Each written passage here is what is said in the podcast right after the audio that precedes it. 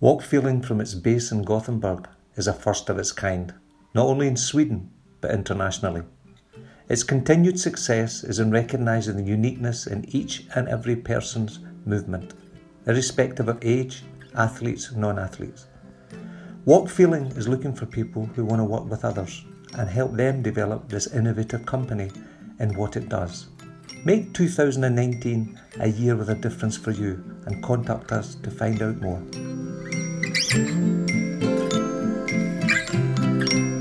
Hej och välkommen till For Health med Anna Sparre. Idag ska vi prata med Tommy Olausson om hur du kan bli smärtfri och rörlig och till och med minska dina stressnivåer med hjälp av rätt rörelsemönster. Har du tänkt på hur det går i vardagen? Och visste du hur mycket det påverkar i din kropp? Idag kommer du att få dig en tankeställare både kring hur du bäst skyndar dig till bussen och om det verkligen är särskilt bra att ta den där raska promenaden. Massor med konkreta tips för att bli av med värk och förebygga skador. Om du gillar den här intervjun så blir jag så glad om du vill dela med dig av den på Facebook eller Instagram och tipsa en vän. Gå också in i iTunes och lämna en recension. Det gör det lättare för mig att få hit intressanta intervjupersoner. Tack på förhand! Glöm inte att ladda ner mina e-böcker via fliken Böcker på forhealth.se och att boka mig som föreläsare till ditt event.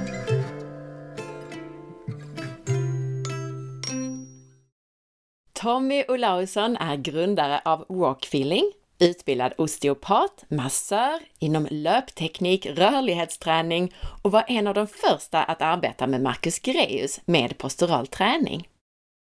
Tommy ägnade 19 år av sitt liv för att hitta svaret till såväl sitt eget tillfrisknande som sina patienters väg mot att bli både skade och smärtfria.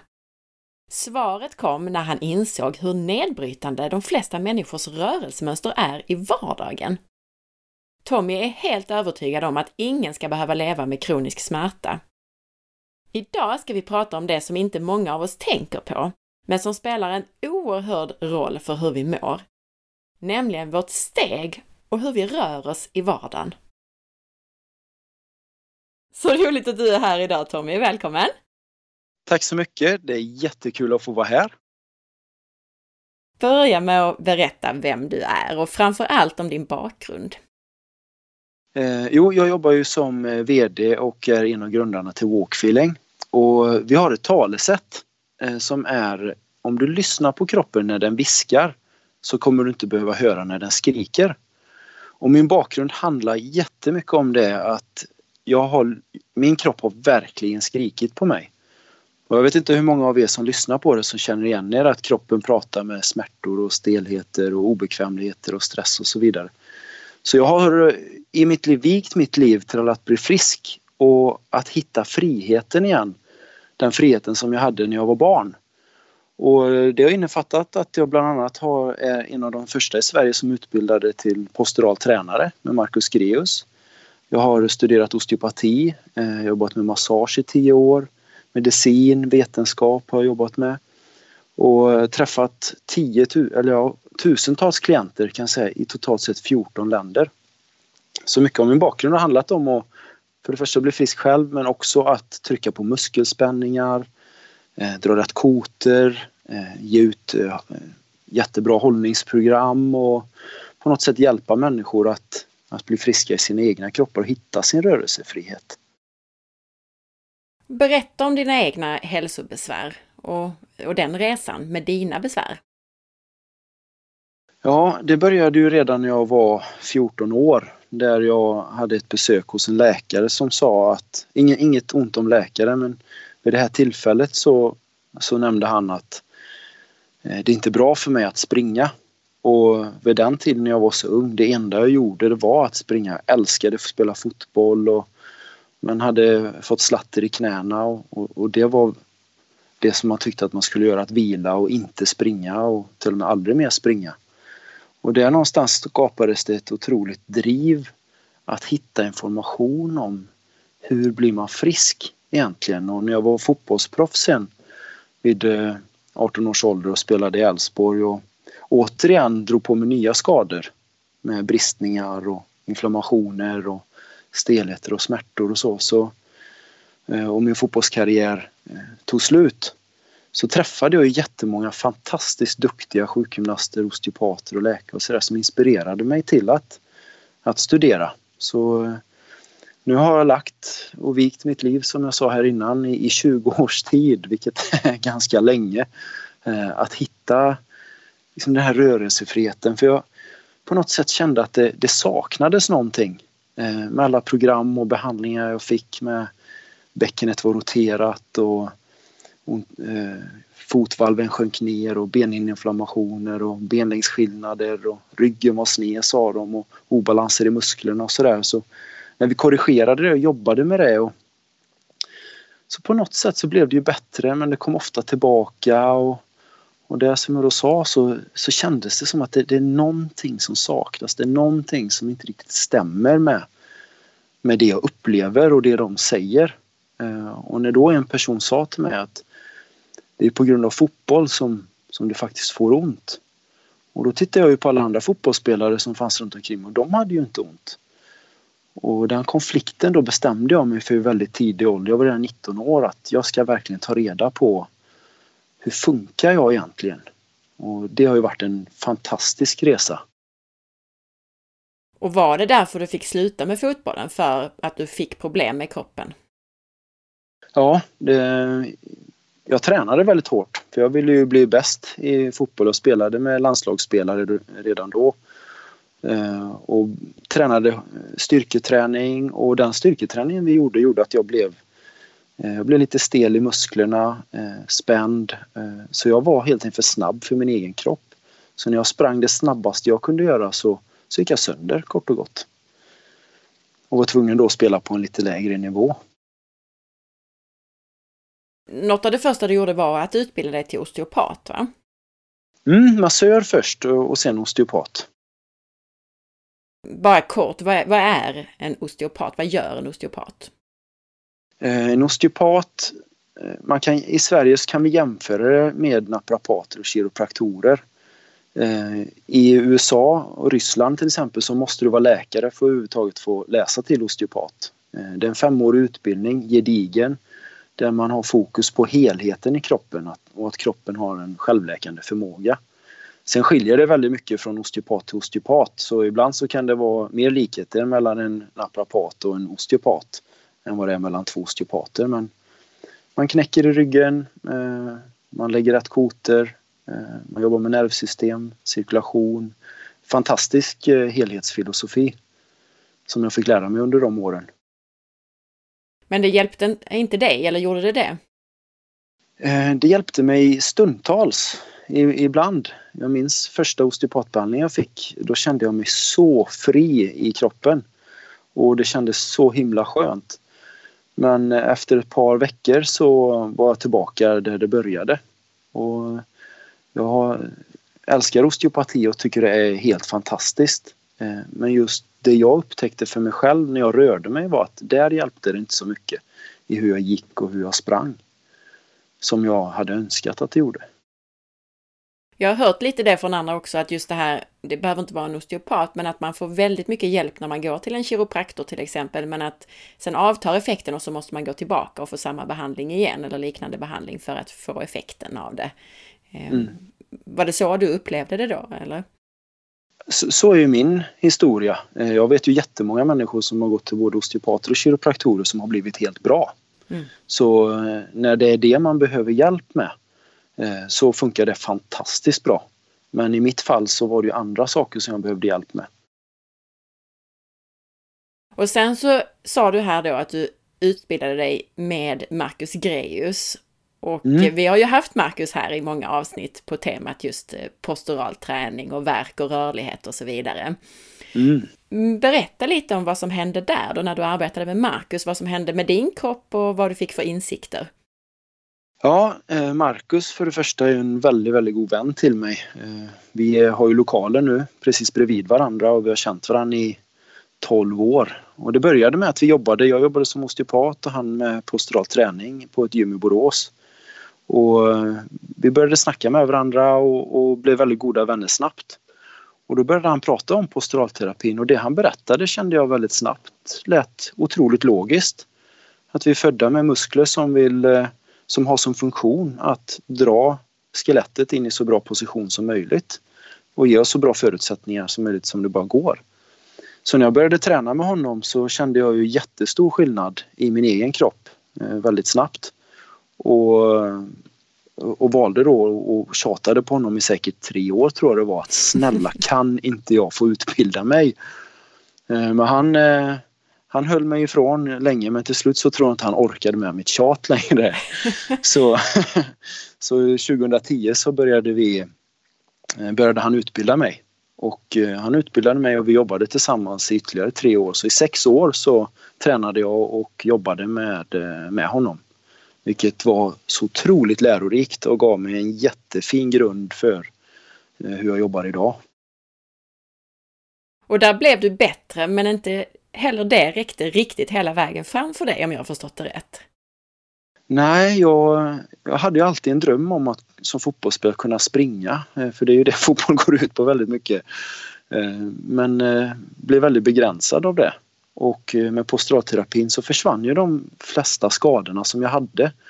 Men jag kunde fortfarande inte liksom springa max utan då kom skador tillbaka och jag, jag minns framförallt en gång med, med mitt ex där vi var ute och sprang och hon tränade inte så mycket eh, och jag tränade ganska mycket, spelade fotboll då i division 1 eller 2 och kände att jag var väldigt atletisk och sådär och då Eh, när vi var ute och sprang så, så sprang hon helt enkelt ifrån mig.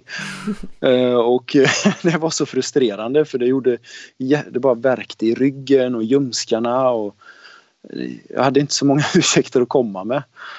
Eh, och, och då började jag verkligen fundera på att hur, hur påverkas min kropp av hur jag faktiskt rör mig?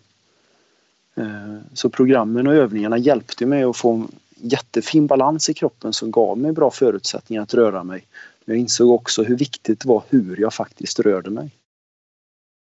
Så att det du fick med postural träning var, eh, ska vi säga, precis förutsättningarna, men du lärde dig aldrig att faktiskt röra dig. Var det så, är det så du beskriver det? Ja, precis. Eh, om man jämför med en bil till exempel så, så fick jag de bästa inställningarna man kan få. Eh, men fram tills det datumet från massagen, osteopatin och posturalterapin så hade jag inte fått lära mig hur jag faktiskt ska använda min kropp, alltså hur ska jag köra bilen? Eh, och den insikten som kom där sen då eh, är ju grunden för det vi ska prata om idag. Just det. Och berätta då, om vi fortsätter på din historia, vad var det då mm. som fick dig att nå hela vägen med din kropp och din hälsa? Det var faktiskt eh, en jätte, det, det är en väldigt bra fråga och det, det, kom av en slump helt enkelt. Att eh, jag hade ju, jag hade de kunskaperna som vi pratade om och jag hade en person som jag jobbade med där eh, vad jag än gjorde så blev han bättre i stunden om det var massage eller osteopatin eller program så, så blev han bättre i stunden men det kom hela tiden tillbaka. Jag minns vi hade jobbat tillsammans i sex månader ungefär. Eh, så när han kom in eh, till väntrummet så hörde jag där ute av någon anledning eh, det här. jag vet inte hur det hördes i här jag försökte simulera med bordet men det bara, det, det bara small i golvet. Och jag, för första gången så tänkte jag, men vad är det som kommer här ute? Vad, vad är det som låter så? Och när den här eh, vanliga personen tittade in så tänkte jag, men herregud, är det du? Men, och då frågade jag honom, hur, hur går du egentligen? Alltså var, varför går du så hårt? Och han var nej men vadå, det har jag väl inte tänkt på så. Och så blev det att vi pratade lite grann om det och då, då fick jag en idé. Ibland kan man ju få det när man står i duschen eller sitter i bilen och sjunger, att man, man får en ny idé. Och min idé var att vad, vad, vad kan hända om du, om du går lite mjukare? Så jag frågade honom, är du med på ett litet experiment? Att eh, du får gå hem och gå lite mjukare. För nu har vi jobbat med dig här i sex månader och du har fortfarande ont i knät, du har fortfarande ont i höfterna och du har fortfarande problem till och från i din rygg. Så är du med på att pröva något nytt? Och tack och lov så han var öppen för det. Ja men visst, vi, vi kan testa detta.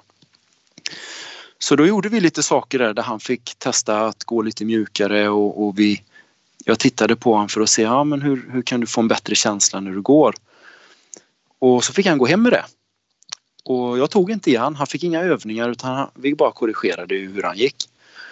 Och när han kom tillbaka tre veckor senare så var jag så nyfiken. Alltså hur, hur har det här gått? För det första var jag lite nervös för, för jag hade inte gjort det jag faktiskt var utbildad i. Och det kändes lite oseriöst för jag var väldigt vetenskaplig på den tiden. Och så när han kom in så för det första så, så hörde jag ju inte när han kom. Det, det, tyckte vi båda var väldigt roligt att han smög in då. Eh, och sen kommer han in och så sätter han sig ner och så frågar jag hur, eh, hur har det gått hemma? Liksom. Han bara, nej men det funkar bra. Jag har tänkt på hur jag går och sådär och det, det enda är väl att min fru inte gillar detta för nu, nu skrämmer jag henne när jag, när jag kommer runt hörnorna.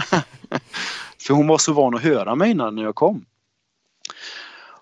Och då frågade jag det som var intressant för mig då, men hur är det nu med, med din, det onda i ditt knä som gjorde att du inte kunde springa och höfterna som du känner ömma och ryggen som är stel när du vaknar på morgonen. Hur, hur känns det nu? Och där, där kommer vi till en punkt i mitt liv där jag har letat väldigt länge. Där det totalt förändras. Jag får en helt ny syn, alltså hur jag ser på människor i den stunden blir helt annorlunda. För det han svarar är Ja, just det. Eh, det har jag glömt bort. så från att varit så dedikerad till att mäta och se detaljer i människor och, och bäckenskillnader och hur kotorna ligger och allt det här, hur musklerna så helt plötsligt släppte jag iväg honom och vi ändrade hans sätt på, några, på ett enkelt sätt att gå och så mycket förändrades. Och där förändrades också min syn på men är det det här jag har känt sedan jag var 14 år? Att det saknas något? Och varför har ingen frågat mig hur jag går eller hur jag springer? Och varför har ingen tittat på mig när jag rör mig, hur jag rör mig de 23 timmarna när jag inte är på behandling? Och där skapades då ett otroligt stort intresse för att se hur rör vi oss egentligen? Och hur påverkar det våra, våra skador och har vi aldrig fått lära oss att faktiskt lyssna på våran kropp och vad den, vad den säger till oss. Men vad gjorde du då när det kommer till dig själv? Alltså när du hade de här mm. framgångarna mm. med den här klienten. Vad gjorde du med dig själv?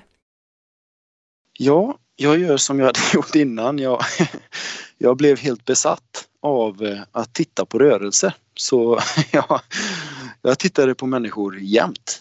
Eh, jag, jag tittade på djur människor. Jag kollade hur vi rör oss i naturen, alltså hur vi rör oss på olika underlag. Barn rör sig. Jag verkligen började råstudera rörelse och, och det har varit så roligt. Och jag minns en gång eh, mitt i detta eh, så satt jag ner med några kompisar nere i Helsingborg eh, på strandpromenaden när det var en fredag eller en lördag förmiddag och jättefint väder. Och så kom det en kvinna springande på andra sidan gatan som mina kompisar tyckte var jättevacker. Och de bara åh kolla, kolla vad snygg hon är och wow vilket hår och hoppas hon ska gå ut ikväll och sådär. Och så tittar de på mig varför säger du inget? Ja men ser ni inte att hon springer på hälarna? och, det, och där någonstans eh, det, det, var så dedikerad jag var. Jag, jag slutade liksom se hur hur människor såg ut och jag, jag började tappa betydelsen för om de hade benlängdsskillnader, hur bäckenet var utan allt handlade bara om för mig hur använder du din kropp och hur ser det ut? Och hur påverkar det just dig, hur du mår? Vad gjorde du då med din egen, alltså ditt eget sätt att röra dig, ditt eget sätt att springa och gå på? Mm. Jag hade ju som sagt haft eh, spänningar och slitage i min kropp i 25 år.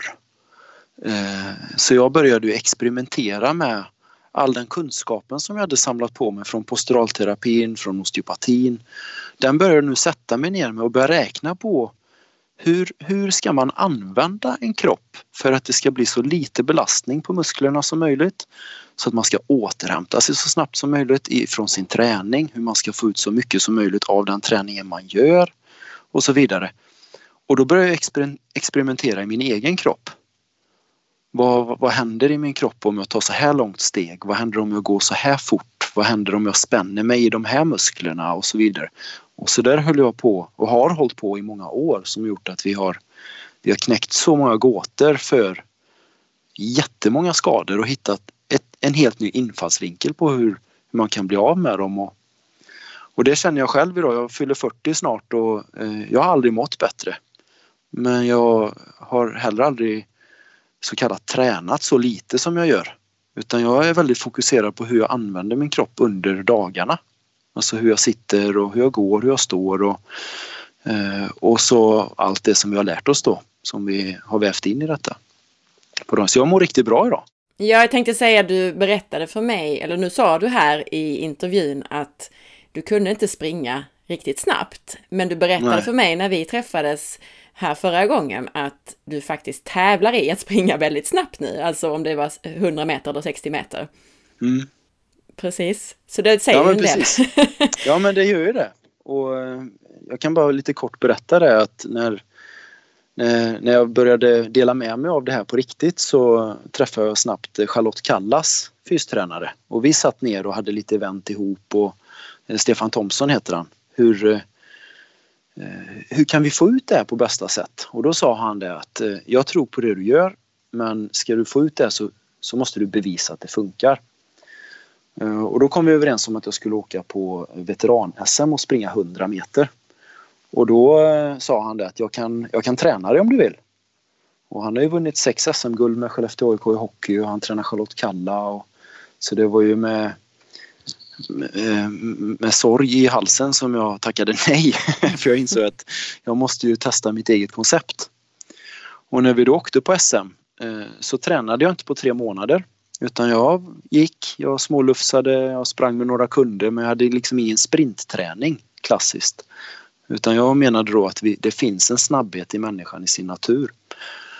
Och när vi stod på startblocken där så fick jag hjälp av funktionären att ställa in dem.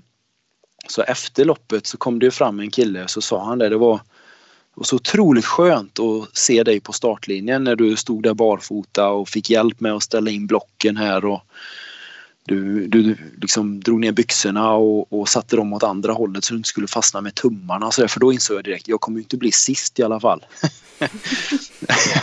Men det, det, blev han. Och ont i knät hade han efteråt också. Men det anmärkningsvärda med det var att eh, jag fick eh, en bronsplats. Jag blev trea. Eh, och det skrevs ju om detta eh, i många medier runt om i Sverige. Och han som vann loppet han blev världsmästare eh, året efter i, i Australien, i Melbourne där. Så det var ju många riktigt duktiga sprinters. Och det satte ju en, en prägel på många som insåg att ah, det kanske finns någonting mer i våran träning och i vårt sätt att leva som vi helt enkelt har missat. Men jag måste ändå fråga här, innan vi avslutar mm. berättelsen mm. om dig så att säga och din hälsa. Mm. Vi ska prata mer om hur vi ska röra oss och, och vad man ska göra och sådär. Men så bra. Om, om, om jag bara kan säga ett par korta saker som du förändrade i ditt rörelsemönster för att bli så här bra och må så här bra. Ja. Vad var de stora sakerna? Det, det absolut största, Eh, det var att jag började lyssna på min kropp. Eh, det betyder för mig att jag började anpassa eh, min träning Eh, min hastighet när jag gick. Eh, och jag började samtidigt förstå varför jag kände det jag gjorde. Så till exempel om jag var ute och sprang och så började jag känna att jag var trött eller började få ont i ländryggen. Innan så stannade jag och så stretchade jag och så försökte jag stretcha ut det. Eh, och, och då kunde det bli lite bättre. Nu började jag mer, okej okay, nu började det kännas i ländryggen igen. Okej, okay, hur landar jag? Var har jag överkroppen? Hur lyfter jag höften? Hur sätter jag ner foten? Så det kunde jag korrigera direkt då när jag var ute och sprang. Sen började jag också fundera på vad har jag gjort idag? Jag gick, där, jag gick från jobbet och hem. Vilken hastighet gick jag i? Eh, hur satte jag ner fötterna? Vilka steg tog jag? Och då kunde jag på något sätt räkna ut att hur jag gick gjorde att min rygg var trött när jag väl sprang. Så jag började förstå hur gång och löpning hängde ihop och det är väl det absolut största för mig att, att jag ser idag att gå och, och springa det är Förstå mig rätt nu, det kan vara lite svårt att förstå för det, det här är någonting helt nytt för har kommit på men att gå och springa för kroppen är samma sak. Det är liksom, fast det är olika hastigheter. Okej, okay, så att det här att du började lyssna på din kropp, ett exempel var det här att om du känner då ett obehag någonstans i kroppen så kan du justera det direkt för att du känner precis. vad som händer. Precis. Men när vi, alltså jag provade ju lite grann med dig och, och gå omkring och sådär. Och, och då mm. var det ju mycket också, det här med att lyssna på kroppen handlade ju också om hur det känns, ska vi säga, mer inuti. Alltså när mm. jag går, blir jag stressad av min gång eller känns det avslappnat och skönt? Var det också en del redan då i, i ditt sätt att lyssna på kroppen eller det var mer de här obehagen som du lyssnade efter? Ja, precis så. Det är en, en jättebra kontrast som du tar upp där för det vi gör idag har blivit så rikt. Det, vi har ju kunnat ta in så mycket i det vi har sett hur, hur gången fungerar, hur löpningen fungerar, hur andningen och hur allt det fungerar tillsammans. Eh, och då har vi också sett hur tanken kan påverka som du säger om man är stressad, hur påverkar det musklerna? Hur påverkar det innan vi ska ut och gå eller springa eller är på väg någonstans? Så det, det har skapats en helhet idag av det mot när jag började själv där det var väldigt tekniskt. Eh, det var mycket film. Jag filmade mycket och det var väldigt analytiskt och jag själv pekade väldigt mycket på folk och sa ja men nu är din rörelse så här, ditt steg är si, din fot är så, du måste ändra det gör så här. Till att vi idag har sett helt andra sätt att, att jobba med det vi gör. Där vi hjälper som dig i det här för att, att upptäcka det som är relevant för dig. Och nu sa du att stressen kan påverka musklerna och kroppen, men i mitt fall tyckte jag också att det var snarare så att mitt sätt att gå påverkade min stressnivå. Alltså tvärtom mm. också menar jag. Det är båda riktningar på något sätt. Den, eh, ja det, det finns så mycket i detta. Det är så mm. rikt och det är som du säger att det, det, ena, det ena påverkar ju det andra. Innan vi pratar mer om hur vi ska röra på oss och vad vi ska lyssna efter i kroppen så vill jag veta varför går vi fel? Alltså vad är det som har hänt? Jag menar ingen annan behövde väl en coach för att kunna gå eller springa på stenåldern? Eller varför går vi fel idag? Mm, det, är en, eh, det är en otroligt viktig fråga idag. Alltså, går vi fel för det första och om vi gör det kan det påverka våran kropp. För en annan fråga att ställa sig som vi jobbar väldigt mycket med det är att vill våran kropp från det vi föddes hjälpa oss? Är det syftet med kroppen att den faktiskt vill hjälpa oss? Eller är en stor del syftet av kroppen att den vill skada oss? Och det är två väldigt starka frågor som vi, som vi jobbar väldigt mycket med. Eh, kort och gott så, så har ju samhället förändrats väldigt mycket. Eh, så som det ser ut idag såg det inte ut för 100 år sedan, 200 år sedan, 300 år sedan. Och vi präglas väldigt mycket av om, samhället och förändringar som sker där. Eh, stressen idag till exempel som många pratar om att, att vi har börjat få så bråttom eh, har ju ändrat vårt sätt att gå. Eh, barn idag tittar väldigt mycket på sina föräldrar och ser hur, hur rör ni er och eh, där har det ju skett förändringar där, man, där vi har bråttom och vi går från punkt A till punkt B.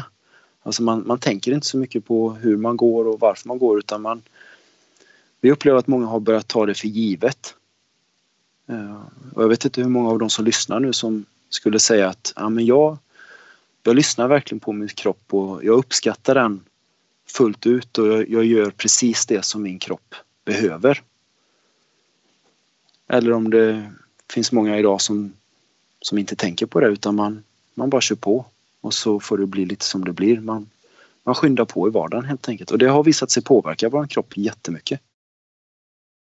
Jag menar, jag kan verkligen hålla med om det du säger, att vi har mer bråttom och just det här att går föräldrarna fel så börjar ju barnen då, de speglar ju sina föräldrar, att de också mm. går fel.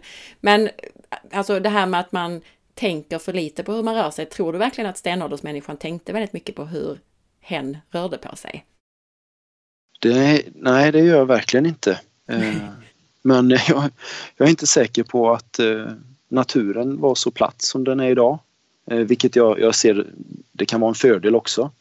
Eh, eh, jag vet inte det här för jag levde inte då men jag tror inte heller att de på något sätt hade den, den vardagsstressen på det sättet vi har idag. Idag är det ju, vi ska åka och handla, vi ska köpa kläder, vi ska hämta ungarna på dagis, vi ska skynda oss till jobbet, sen ska vi hem och träna.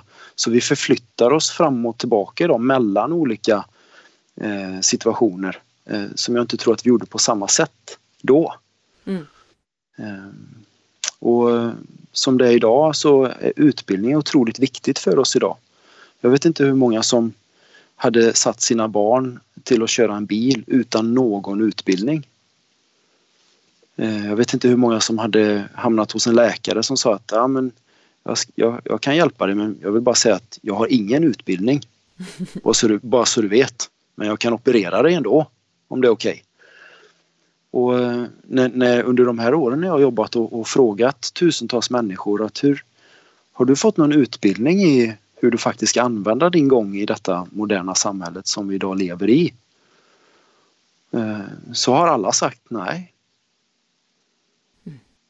Har jag frågat om, om de spelar golf, har du fått utbildning för att spela golf? Ja, självklart. Det är klart jag måste ha för annars så kan jag, svingen bli dålig, jag kan skada mig själv, jag kan skada deltagare, jag kan skada kan skada golfbanan till och med. Så det är ju en eh, miss, missing link på något sätt att vi, vi har fått utbildning i så mycket men vi har tyvärr missat att bli utbildade i vår, i vår egen kropp. Och då kan jag tänka att då kanske någon tänker att ja, ja, men man, det är ju någonting som vi föds med, att kunna röra oss. Du sa ju det själv att du, du studerade små barn till exempel, hur de rörde sig. Mm. Men, men det du menar då är framför allt att samhället och vår miljö har förändrats så mycket att det här naturliga klickar inte riktigt med det därför att det är plattare, vi kanske sitter mer, det är hårdare golv och så vidare. Mm. Är det det lite grann som du menar eller? Ja, men bland annat. Eh, det är många bra punkter som du tar upp och just att vi i så många år, alltså i många tusen år, så har vi inte behövt tänka på det. Och den vanan har vi fortfarande kvar. Att vi, vi tar för givet, vilket vi alltid har gjort, att vi inte behöver tänka på det. Men eh, med de förändringarna som har skett så har vi sett att människor har otroliga fördelar och vinster av, av att lära sig idag och bli, få tillbaka sin medvetenhet och förstå att ja, hur, hur kan jag använda min kropp på ett smartare sätt än vad jag gör idag i den här vardagen? Och hur kan då de här utvecklingssignalerna som vi kallar det som, som smärtan blir, hur kan jag lära mig att lyssna på det tidigare. Om jag är ute och rör mig eller sådär. Mm. Hur kan jag, som jag beskrev innan där, att hur kan jag förstå vad, vad betyder den här signalen att det verkar eller är ömt eller känns stelt och, och hur kan jag själv påverka det? Då summerar jag ditt svar på frågan varför vi ofta går fel eller rör oss fel. Jag summerar det som att vi är vi har bråttom hela tiden, vilket mm. eh, kanske inte är helt naturligt. Att vi kanske har speglat en förälder i en felaktig eh, gång eller ett felaktigt rörelsemönster och därför går fel och att vår miljö ser annorlunda ut. Mm. Och, och, kan lägga till att vi, att vi idag tar väldigt mycket för givet när det gäller våran kropp. Och det, det har ju skapat, i, i och med att vi inte har eh, haft möjligheten att se på hur våra rörelser påverkar oss så har det ju lett till att vi inte riktigt förstår hur vi ska göra. Eh, och i och med att det är helt nytt så, så har det skapats myter med att eh, jättevanligt som jag träffar människor ofta och kanske känner igen er och hört det själva med att nej, men jag är för gammal. Mm. Nej, men, nej men det gäller inte mig. Ja, men jag har ju gått hela mitt liv. Det, det spelar ingen roll. Och, Nej men de har ju sagt till mig att jag har den här skadan sedan jag var liten så därför kan inte det här bli bra eller jag har ju benlängdsskillnad så, så nu kan inte jag göra detta. Och, och det finns många, många mer eh, som har skapats som, som, många människor tror på. Och har du då bestämt dig till exempel att nej men jag är för gammal då är det ju inte heller så intressant att titta på någonting nytt för då har man ju det som en sanning.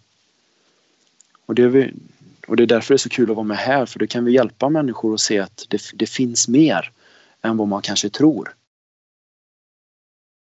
Nu vet jag att, du, att det handlar väldigt mycket för dig om att man ska känna efter själv, men mm. du har ju ändå en väldigt lång bakgrund av att titta på när människor rör sig. Så mm. baserat på det så skulle jag veta vilka de vanligaste felen är som vi gör när vi går. Oj, oj, oj. Det är ju en jättespännande fråga. Eh, jag var iväg igår och hade en, en presentation, en föreläsning på en yogastudio och de ställde samma fråga men eh, du, du måste ju se vad vi gör för fel.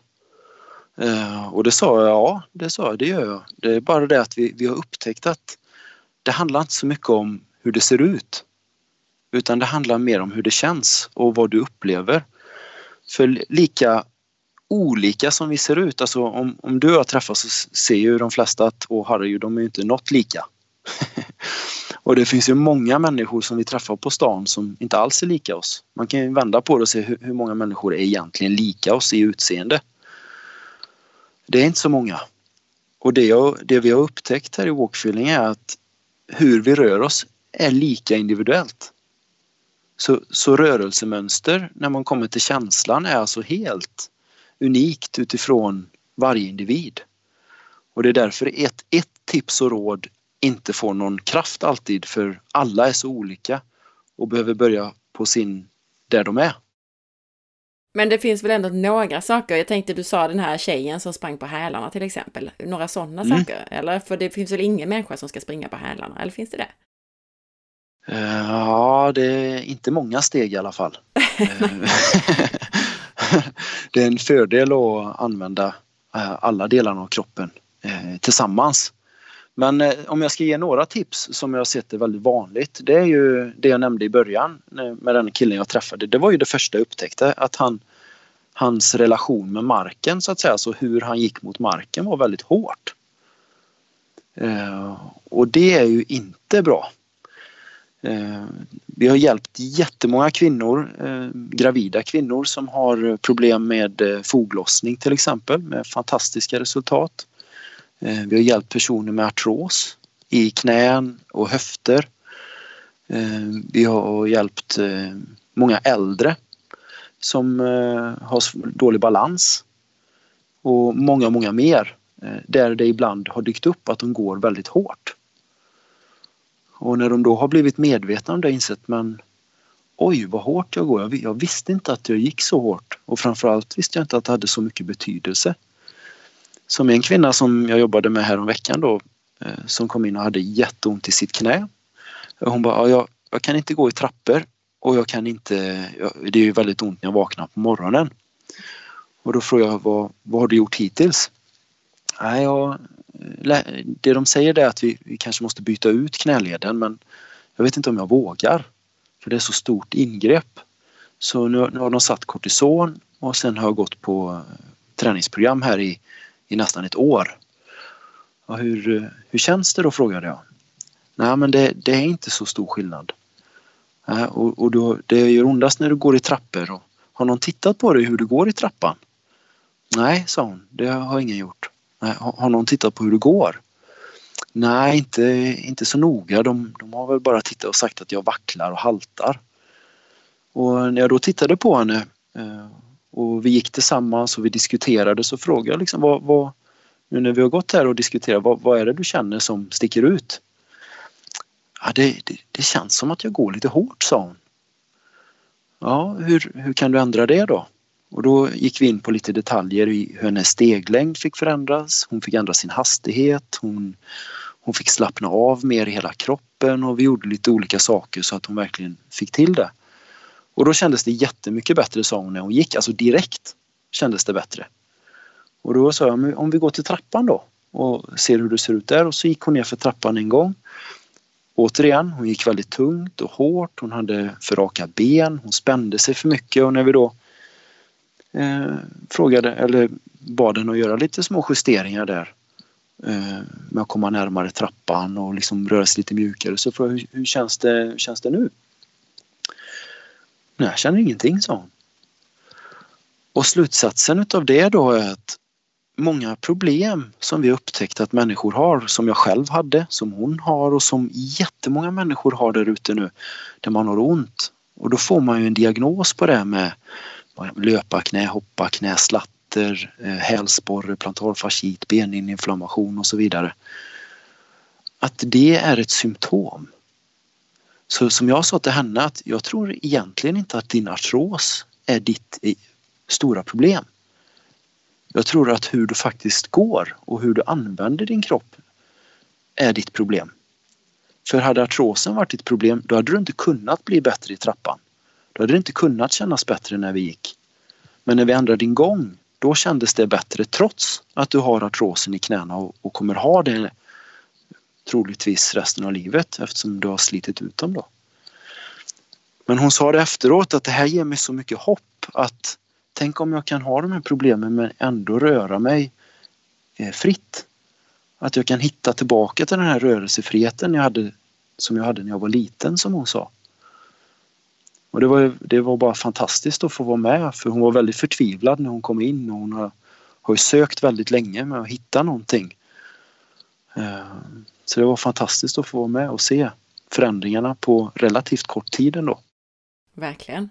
Och det jag tänkte på när du beskrev det här också med att många går väldigt hårt och att det kan hjälpa att gå mjukare.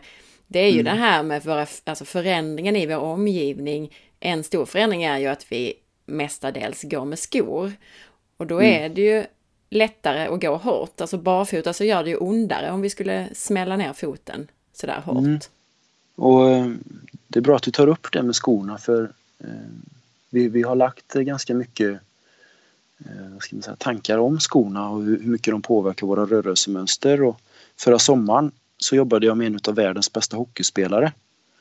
Och vi pratade just om det. För när vi tittade på han han hade missat hockey-VM och, och vi tittade på han hur han rörde sig så, så hittade vi 12 saker han gjorde som gjorde att hans rygg inte kunde läka. Och då, då frågade jag hur, hur gör du när du är på isen? Liksom, handlar det om att, är man medveten om liksom att man ska röra sig så lätt som möjligt på isen och för att bli så kvick som möjligt? Han bara, men självklart, du får inte vara klumpig på isen liksom, eller röra dig för tungt för då kommer du inte hinna med. Och då frågar man hur, hur tänker du kring hur det går då? Finns det någon relevans till det? Att, att gången kan påverka dig? Ja, det hade han ju aldrig tänkt på då. Men när vi pratade om det så tog det en stund så hittade han ju friheten även han. Och det, det som slog honom var att han har, har lagt så otroligt mycket tid på när han tränar på isen och i hans rehabilitering. Men han hade, alltså inte en minut hade han tänkt på hur han rörde sig när han inte tränade eller när han spelade hockey. Och det, det hjälpte honom direkt när han insåg att det hänger ihop. Bra exempel. Jag, jag blir mm. lite nyfiken där du sa att ni hittade 12 saker. Kan du ge exempel på något som ni hittade hos honom? Ja, absolut. Eh, I och med att han hade haft ont i ryggen så länge och som hockeyspelare så är du framåtlutad. Så han, han hade fått en grundtonus i magen. Alltså magen hade blivit för stark så han kunde inte slappna av i magen. Eh, och det gjorde att han, han gick med låren för mycket. Eh, steget blev för långt. Eh, så han, han tappade sin, sin rytm. Så det gjorde att han kunde liksom inte lyssna in på kroppen vad den behövde. Utan de låsningarna som han hade hindrade honom från det. Så det spelade ingen roll hur mycket de tryckte och masserade hans rygg. För hans magspänning och hans långa steg och sådär skapade spänningar i ryggen. För att nämna några. Mm, intressant. Där låter det lite som att det kommer, det kommer den här delen som är lite grann kanske postural träning också in i det. Jag tänker det här med mm. att man märker att man är lite för stark någonstans och för svag någonstans. Precis.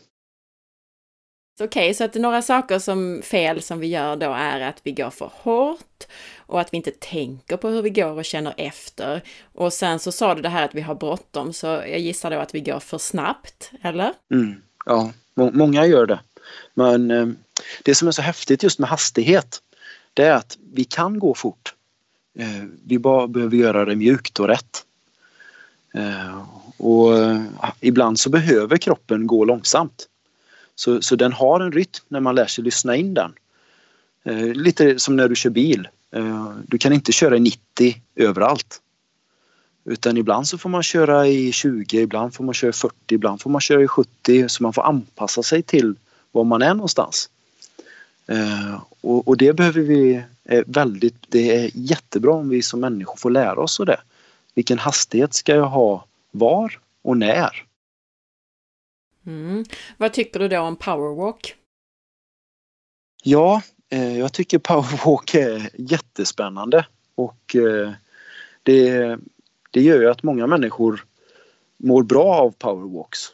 Eh, så det har ju en funktion men när man tittar på hur kroppen mår av powerwalks så eh, verkar den inte alls gilla det.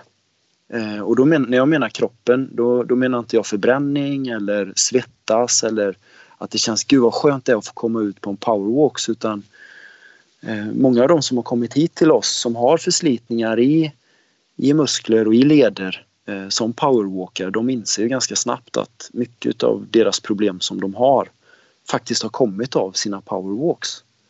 Och det, det är det är ett helt kapitel, det, det, kan man prata en hel timme om för sig för det, det är så mycket som händer när, när, vi, när vi powerwalkar. Vissa saker är bra men vissa saker behöver man titta på som kanske inte är lika bra.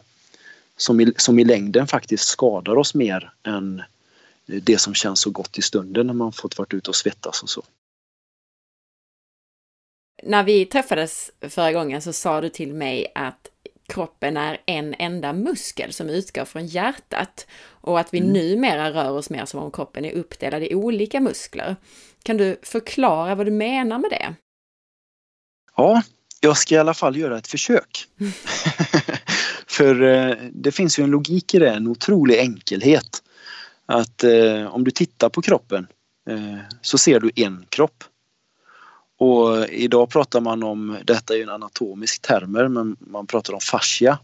Eh, som har blivit väldigt populärt idag framförallt bland tränare och terapeuter och inom osteopatin bland annat. Eh, och fascian är i hela kroppen. Så det, det är, liksom, det, är en, det är som en kroppsstrumpa, fascia. Eh, och i det ligger ju alla musklerna. Och eh, Eh, den, den, gamla kunskapen som jag kommer ifrån när vi läste anatomi, då läste man muskel för muskel. Eh, man läste biceps och det var gluteus maximus och det var lårmuskel och det var vadmuskel och sen så skulle man stärka muskel för muskel så då fick jag när jag styrketränade så fick jag massa program då. Det var armprogram och det var benprogram och det var bålprogram och, och, det, och det hade ju sina effekter naturligtvis som, som var väldigt bra.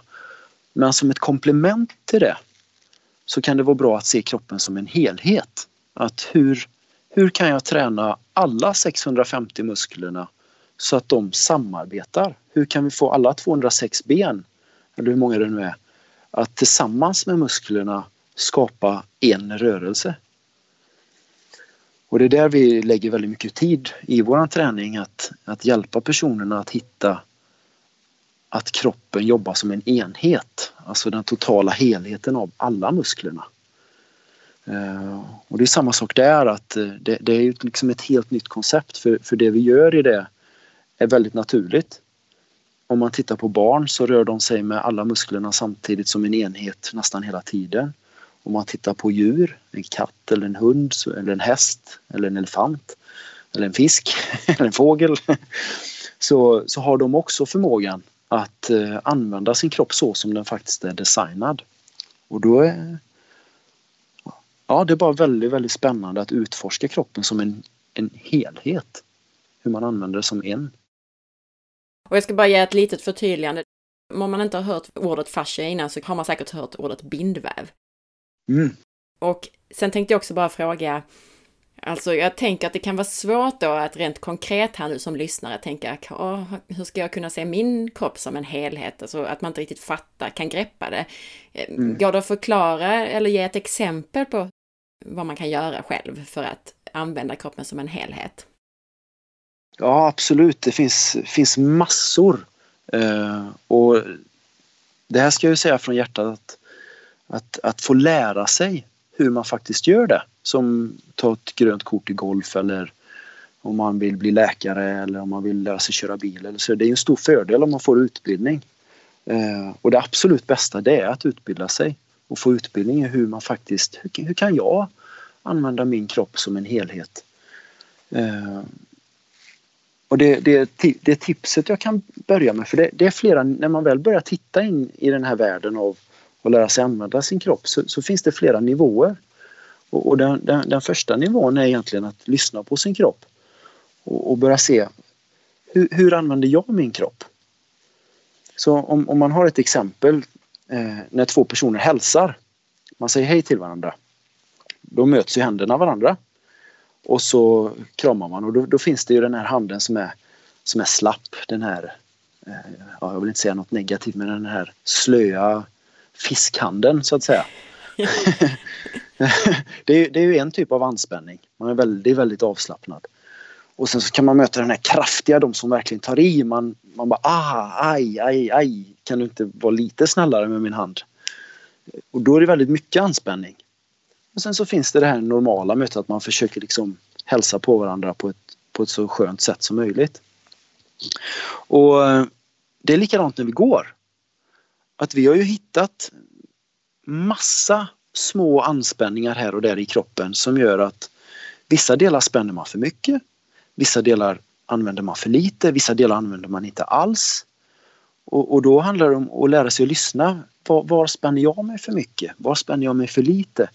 Och allt eftersom när man har gjort det ett tag och fått feedback på det så, så börjar det infinna sig eh, en, en kunskap som man själv har. Alltså man börjar bli medveten om hur, hur man använder sin kropp. Lite som när man går och dansar. Så får man ju börja med några enkla steg. Allt eftersom så blir turerna svårare, tempot blir högre och man börjar njuta mer av, av dansen och till slut så blir det till och med en dans där både man själv och sin partner njuter av det man faktiskt gör och man dansar i takt till musiken och sådär. Eh, och det kan vi nu lära oss med våran kropp när vi rör oss i vardagen. Och det som är intressant att ställa sig som fråga då är att hur, hur påverkas min kropp om jag faktiskt inte rör mig rätt och inte har är medveten har den anspänningen som min kropp faktiskt förtjänar från det jag föddes.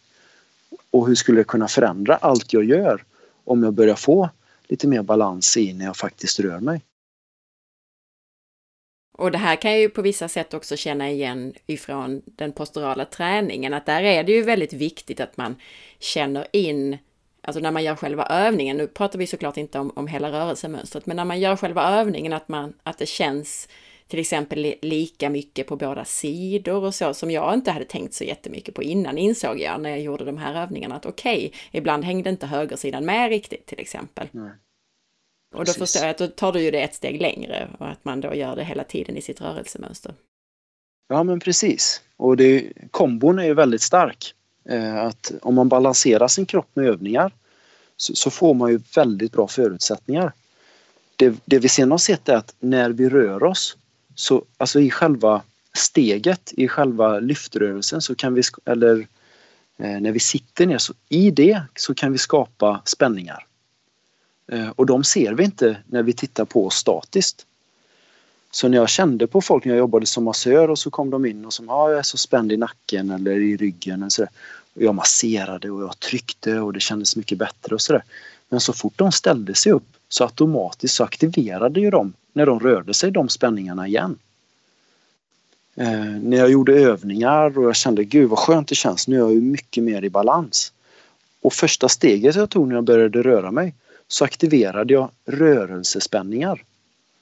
Eh, och de, de, de kan man bara jobba med i rörelse. Har man tur så kan de försvinna med behandling eller övningar. Eh, och det kan framförallt ge väldigt bra förutsättningar för att de ska försvinna lättare när man rör sig. Men kombon av alltihopa är ju så himla bra. Om vi då kommer tillbaka till det här som vi tog lite kort, alltså hur ska vi då gå och röra oss. Och några saker är ju det här som du redan har sagt att vi ska lyssna på kroppen och gå mjukare och kanske gå lite långsammare tänker jag. I alla fall ibland. Mm. Är det något mer som vi ska tänka på rent allmänt? Jag förstår att det är individuellt som du sa, men har du fler mm. sådana tips? Ja, men jag, jag ska Eh, förtydliga det lite till. Vikten som vi faktiskt ser på öppenheten för att se någonting helt nytt. Ja, eh, vi, vi har ju kontor i London och har verksamhet där borta också. Och då hade vi ett event där borta så var det en kvinna som hörde av sig till oss, eh, till vår administration där borta och frågade hur, hur går det här till? Och, för jag, jag har så mycket skador och jag har så mycket problem. Och det alla som jag har träffat och sagt att jag fixar dig. Det är liksom inga problem, jag kommer fixa dig. Kom till mig bara, köp det här paketet så löser jag det. Och ingenting hade hjälpt henne. Så eh, då sa administrationen där borta, kan ni prata med henne och liksom se om ni kan hjälpa henne? Så jag ringde upp henne och i tre minuter så, så började hon säga tack så mycket sa hon för att du tar dig tid att prata med mig. Jag ska väldigt kort bara berätta min historia och så gjorde hon det. Och sen frågade hon kan du hjälpa mig? Och då sa jag det att jag ska vara helt ärlig med dig. Du har en lång historia. Du har levt i din kropp i nu 50 år. Jag måste vara helt ärlig, jag vet inte. Jag vet inte om jag kan hjälpa dig. Men om det är så att det finns saker och ting som du gör i din rörelse så är det stor chans att det kommer kunna ske förbättringar. Men då måste du göra själv. Det är liksom inte upp till mig utan hittar vi någonting så kommer du behöva jobba på det själv och gör du det så har vi sett fantastiska förändringar i, i människor över tid. Och hon bokade upp sig direkt. Och hon sa det, det här är första gången som någon säger till mig att de inte vet. Och det köper jag. Och det, det, är det jag med stor sanning kan säga att efter 20 år som jag har jobbat så har jag hjälpt tusentals människor. Men det handlar jättemycket om det egna ansvaret. Att man också faktiskt gör det som man pratar om. Annars är det stor chans att, att det inte händer. Det förstår jag verkligen. Jag tycker allt du säger är väldigt logiskt. Jag, det jag försöker göra här nu är ju att för att lyssnarna då hemma ska mm. kunna göra någonting själv. Eh, mm. Så jag menar, vi har redan några jättebra saker att börja med, att lyssna på kroppen, att gå mjukare till exempel. Men finns det några sådana saker till som är lite mer generella tips för lyssnaren? Mm. Eh, det finns ju hur många som helst. Eh, och självklart ska vi se om vi inte kan komma på någonting mer som är bra. Eh, vi hade ju en kvinna som kom in eh, som hörde av sig som har jätteont i sin rygg. Eh, det var troligtvis diskbrock och hon ville se om hon kunde bli bättre. Och då sa jag samma sak, jag vet inte så för det, det, är mycket upp till dig vad du gör med det. Och hon bara, men jag kan inte, jag kan knappt röra mig. Och då frågade jag, men går du på toaletten? Eller liksom, kan du komma ut i köket och laga mat? Hon bara, ja, ja, det är klart jag kan, men det är mycket i min livskvalitet som har försvunnit. Jag kan inte leka med mina barnbarn, jag har svårt att sitta, jag har svårt att röra mig och sådär. Och då när, när, eh, när hon kom och vi tittade så, så såg vi återigen flera mönster. Vi, vi såg steglängd, vi, eh, vi såg att hon gick väldigt hårt. Vi såg att hon spände sig, vi såg att hon inte andade sig, andades. Hon drog in magen eh, och mycket annat klassiskt som vi har pratat om. Men, men det, det som var skillnaden här då det var att hon, hon var ju så orolig över om hon kommer bli bra eller inte. Så vi prat, gick, och, gick en stund och så pratade vi om det och, och i det samtalet så frågade jag liksom att hur, hur känns det nu? Nej men nu, nu, när vi har tittat på det här med steglängden och hastigheten och sådär och jag, jag, har hittat, jag har hittat min känsla så känns det faktiskt mycket bättre i ryggen. Jaha, hur kommer det sig då? Nej men det är för att jag, jag hör det logiska som du säger att, att hur jag går kan påverka min läkning och det, det ger mig hopp, sa hon. Uh, och då var det samtalet att hon faktiskt litade på sin kropp. Att det är självklart att min kropp kan läka. Och det, där ser vi en stor brist idag. Träffar jättemånga människor som har tappat tron på sig själva. Man har tappat tron på att man ska kunna bli bra och man har testat så många olika saker och man har eh, blivit tillsagd så många gånger att det kommer inte kunna bli bättre och du får leva med det. Eh, och det är väl ett annat otroligt viktigt tips för människor att börja, börja tro på att det faktiskt går. Och att man vågar fortsätta leta tills man, tills man hittar det som funkar för en själv. Det, det är nog ja, det är ett annat tips som är så, så viktigt. jättebra exempel, för det, både det tipset, men du hade också några små praktiska tips där i, alltså hur hon rörde sig, det här med steget och andningen, att man ska kunna andas och mm. inte spänna magen och så medan man går. Så det var väl mm. jätte, jättebra exempel. Mm. Om vi skulle ta ett exempel istället kring när vi springer, alltså jag vet ju att det är många som kanske inte har så mycket problem när de går, men sen eh, löptränar de och så har de problem där. Är det några mm. vanliga fel man gör just i sin löpning? Ja, det finns ju en hel del faktiskt att titta på eh, när människor springer. Det, det är som dans. Vi för något år sedan jobbade med, med Eliana Girard som är en av världens absolut bästa dansare. Eh, och jag tänkte, men finns det någonting vi kan göra för henne? Hon jobbade för Taylor Swift och Circus du Soleil och har en fantastisk karriär. Eh, och, och, det är så rikt med rörelser i dans, alltså det finns ingen ände på hur många rörelser som finns där. Med volter och snurrar och eh, de är på golvet numera och de kastar varandra och de är så skickliga. Eh, och likadant har vi sett i löpning att när vi springer så finns det så mycket i vårt löpsteg att, att titta på.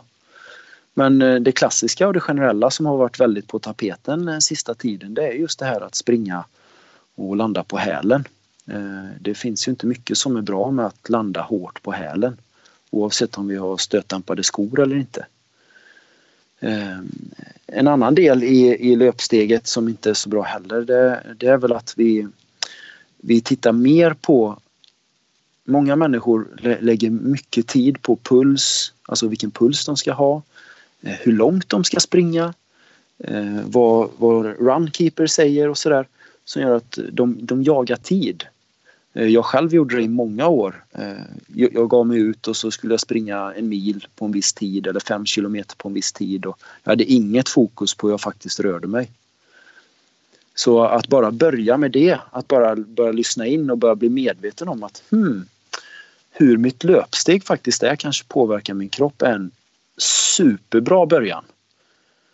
Eh, när man väl börjar göra det så finns det jättemycket fantastiska saker att lära sig och gör man det så kommer man både kunna gå och springa med, med en frihet som, som man inte ens kan drömma om. Vi, vi har ett otroligt härligt sätt att kunna röra oss på. Det klassiska idag som inte är så roligt det är runners face. Alltså det här löpansiktet. Många som man kämpar när man springer och det, det gör ont och man ska ta i och man, man verkligen krigar sig fram. Eh, kontra att man kan springa ännu fortare med mindre ansträngning och med ett leende på läpparna. Och det, det är tyvärr inte så många som, som får uppleva det. Men eh, det vill jag verkligen förmedla att eh, det finns den möjligheten att äntligen kunna hitta sin rörelsefrihet igen.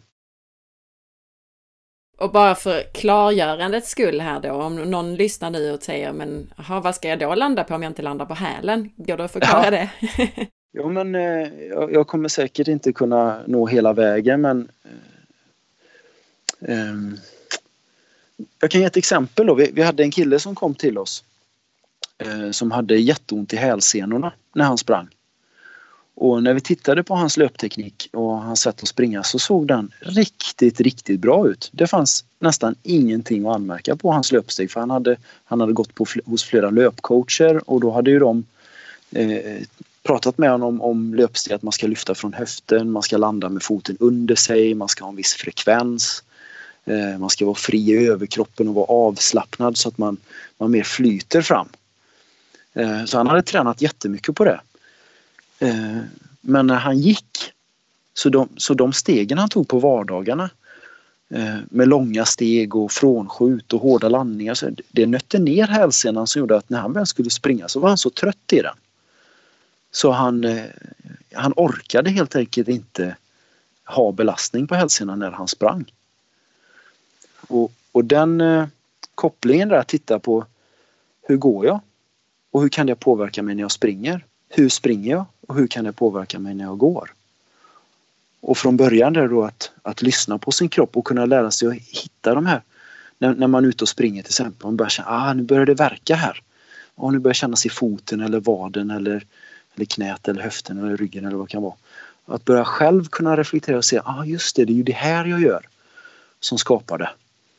Eh, och, och där, eh, där, det, det är ett par saker då med att landa under sig, lyfta från höften, ha en stegfrekvens. Men det är så individuellt från varje person hur man faktiskt använder de instruktionerna då. Och det säger jag inte för att jag inte vill ge några tips eller så utan jag säger det för att jag vill ge massa tips men jag har sett att eh, vad, vad, vad det leder till att det är ju hur man använder tipsen som är, är det vi verkligen vill hjälpa folk med. Mm. Genom den här podden. Men du kom ju också med ett väldigt konkret tips för gången där, för du sa att han hade väldigt långt steg, alltså ett för långt steg i sin gång, att man kanske ska börja känna efter hur det känns att gå med ett kortare steg. Mm. Det kan vara en jättebra början. Men, men då är det hur man gör det. För när man tar ett kortare steg så sker det reaktioner i kroppen där musklerna förändras. Om, de, om musklerna är vana att ta längre steg, om man helt plötsligt tar kortare steg, då, då reagerar musklerna på det. Eh, och då kan den förändringen flytta sig någon annanstans. Som gör att man kanske börjar spänna sig i magen eller man lyfter upp axlarna och sådär. Så det, det är en dans eh, som, som, man behöver vänja av, eller dans men det är, en, eh, det, det, är ett sätt man behöver vänja av sig från alla de eh, ovanor som man har skaffat sig. Och det, det, det behöver man ju då liksom nöta ner och se vart tog den vägen nu spänningen? Jaha, den flyttar sig dit. Ja, vad händer om jag gör så här? Oj, då stack den dit upp och sådär. Och sen till slut så blir man så medveten så att man har koll på eh, var spänningarna är i sin kropp. Då. Så att om man skulle ge en väldigt konkret startpunkt så skulle det kunna vara att man börjar testa lite grann att gå mjukare, gå med ett kortare steg och att man då uppmärksammar, testar vad som händer i kroppen och försöker då anpassa sig efter hur det känns. Absolut, det är väl en jättebra början att lyssna på sin kropp. Det är kanontips. När vi träffades sist så, så jämförde du det lite grann, alltså du hade tittat på naturprogram med lejon bland annat och hur mm. de, ska vi säga för det mesta, lufsar runt väldigt lugnt och avslappnat, men när det sen behövs så spurtar de väldigt snabbt. Mm. Och jag tolkade det lite grann som att vi är gjorda för att kanske väldigt mycket ta det väldigt lugnt eller mm. springa lite snabbare. Så att det här mellan powerwalk och sådana här saker, att inte det är så naturligt. Nej, det, det ligger mycket i det som du säger att eh, våran kropp har ju en otrolig kraft i sig själv eh, när den får användas som den ska. Alltså det, om man tar en bil som ett exempel igen, att om, om man kör den väldigt vårdslöst så håller den ju inte så länge. Och kroppen verkar ha liknande förmåga. Så tittar man på lejon då, som, de lever ju idag Eh, i naturen och de lever för att jaga byten och sådär. Om de då kommer och äntligen får chansen till att hitta ett byte eh, som de ska jaga, om de då vore trötta för att de har varit ute och ansträngt sig på andra sätt så är det ju inte så stor chans att de kanske vinner den, den överlevnadstävlingen och då hade de inte överlevt alls. Och de instinkterna eh, har vi människor kvar. Alltså vi, människan har utvecklats i många tusen år och det är ju starka drivkrafter i oss Eh, att överleva. Och eh, en, en person som var här idag faktiskt eh, när vi gick hade, hade börjat spänna upp sig lite för mycket och kände liksom att han inte riktigt kunde slappna av som gjorde att när han då skulle vara ute och springa eller eh, spela padel som han gjorde så han kände sig trött innan han ens hade börjat. Och då pratade vi lite med honom om anspänning. Han hittade liksom ett mer bekvämt rörelsemönster och eh, till slut så kunde han röra sig friare. Och, och, det i sin tur kommer ju sen ge honom mer energi när han väl eh, ska lyfta. Det är som att du att du äter väldigt mycket mat innan du ska äta mat. Förstår du? Det är ett väldigt dåligt exempel. Men... Nej, men jag förstår vad du menar. Vi har redan spänt oss där innan, så att, ja precis, innan, ja. innan vi ska ta till den här kraftansträngningen. Ja, men precis. Så går vi och spänner oss hela dagarna och ska vi då sen verkligen anstränga oss som du säger, då orkar vi inte. Och det är ju det lejonet har förstått att om jag går och spänner mig hela dagarna, då kommer jag inte orka eh, den kraftansträngning jag faktiskt behöver.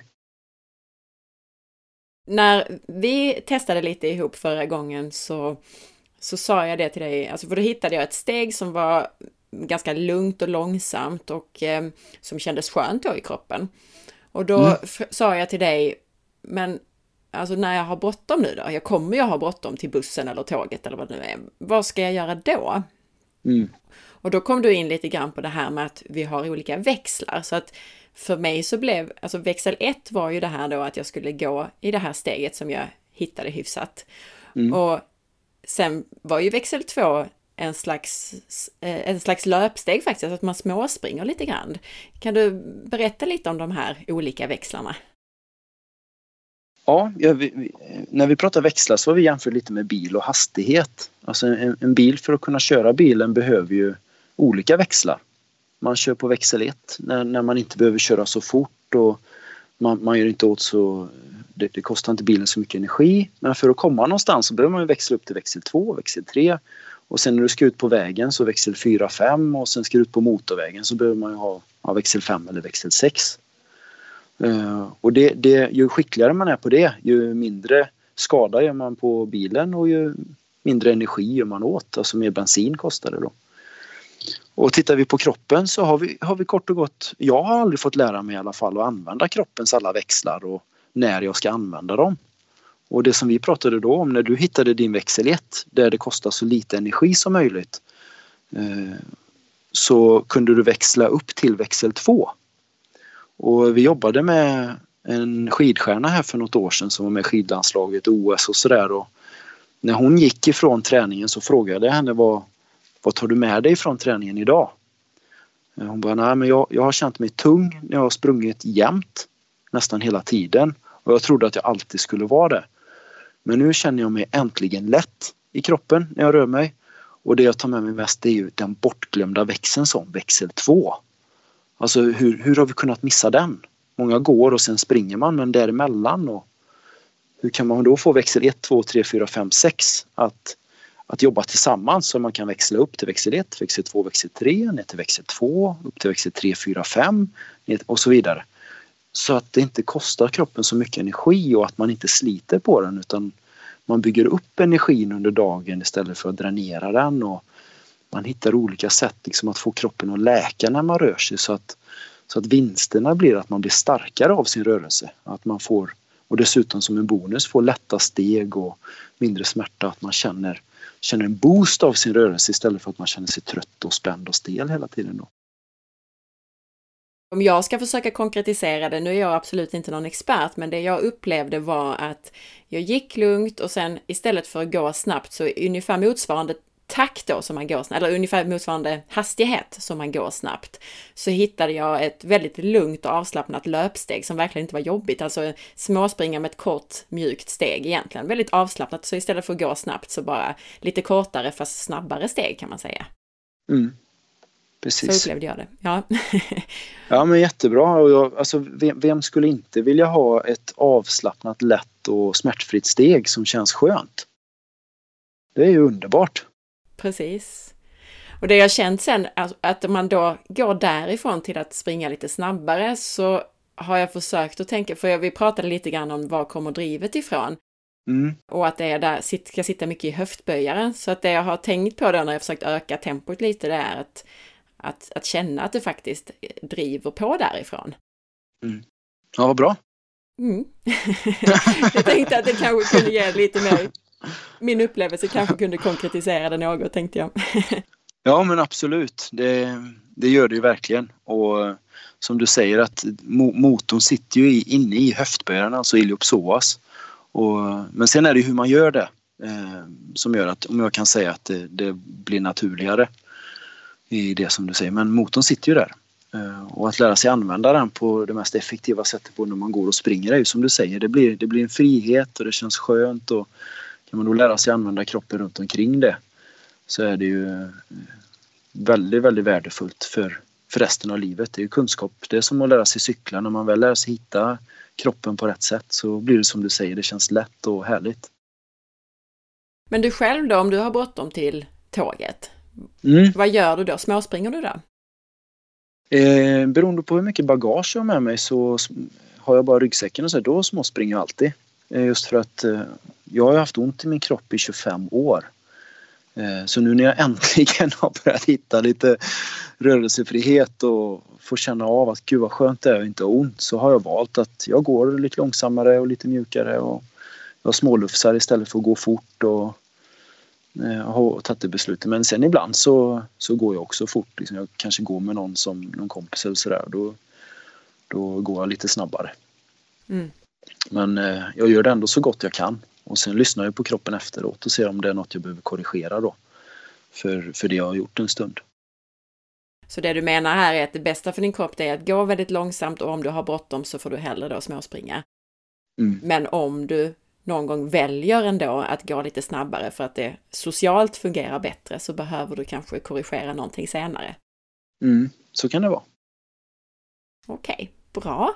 Mm. Ja, men vad bra. Jag tycker att vi har, eh, jag har fått pusha dig lite här för att vara jättekonkret, men jag tycker att vi har, ja. har, du har haft väldigt många bra exempel och tips tycker jag än så länge.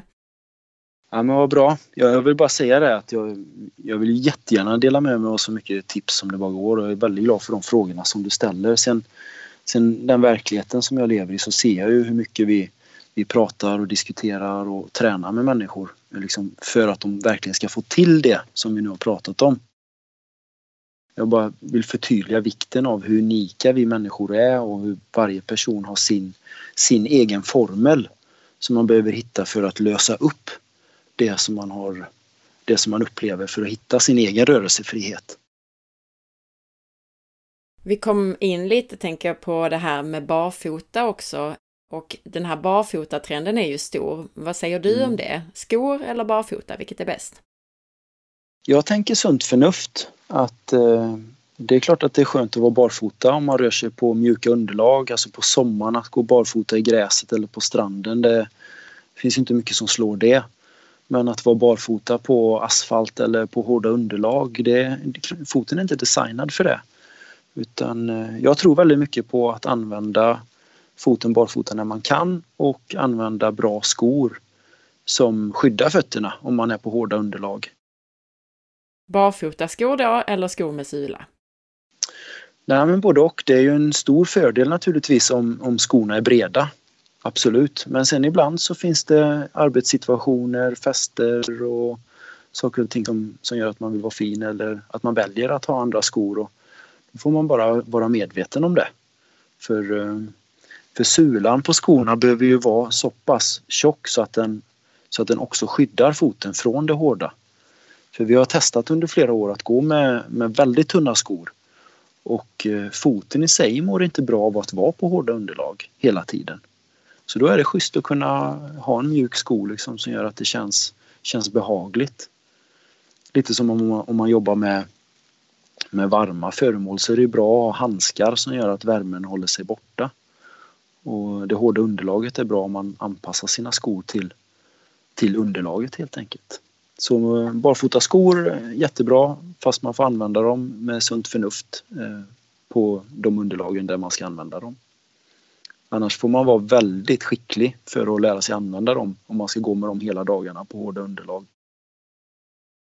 Jag tänker också att när man börjar med det här, alltså när man har lyssnat på det här avsnittet och vill börja tänka på hur man går och springer och så, att det är mm. lättare att lära sig det om man börjar barfota. Man kanske börjar nere på stranden eller på någon gräsmatta någonstans.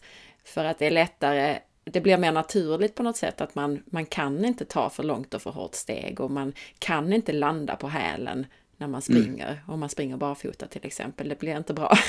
nej, jösses nej.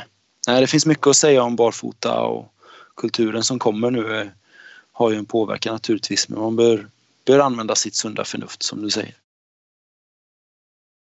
Jag tänkte också på det här som vi nämnde lite grann med kopplingen mellan stress och rörelsemönster, för att Mm. Jag får ofta säga till mina egna klienter, jag har många klienter som är utmattade och stressade. Mm. Och mitt råd till dem brukar vara ofta att gå, inte springa. Mm. Men särskilt att faktiskt att lyssna på hur de mår efter att de har tränat eller sprungit. För väldigt många kan känna att man får lägga sig på soffan och är helt utmattad efter att man har löptränat till exempel och då säger jag att då är det inte rätt. Mm.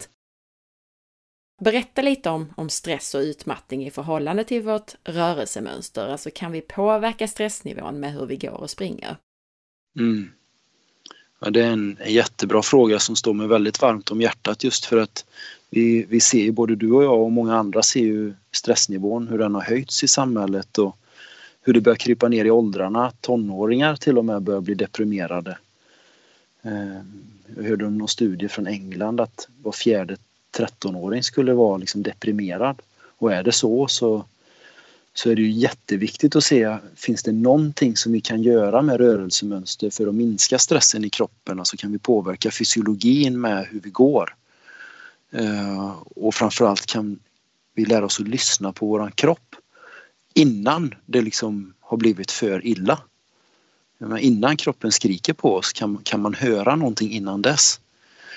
Och jag hade en bankman här häromveckan som kom in. Han bara, jag är så stressad. Jag är så stressad. Jag, jag, jag, orkar, jag orkar inte jobba knappt längre.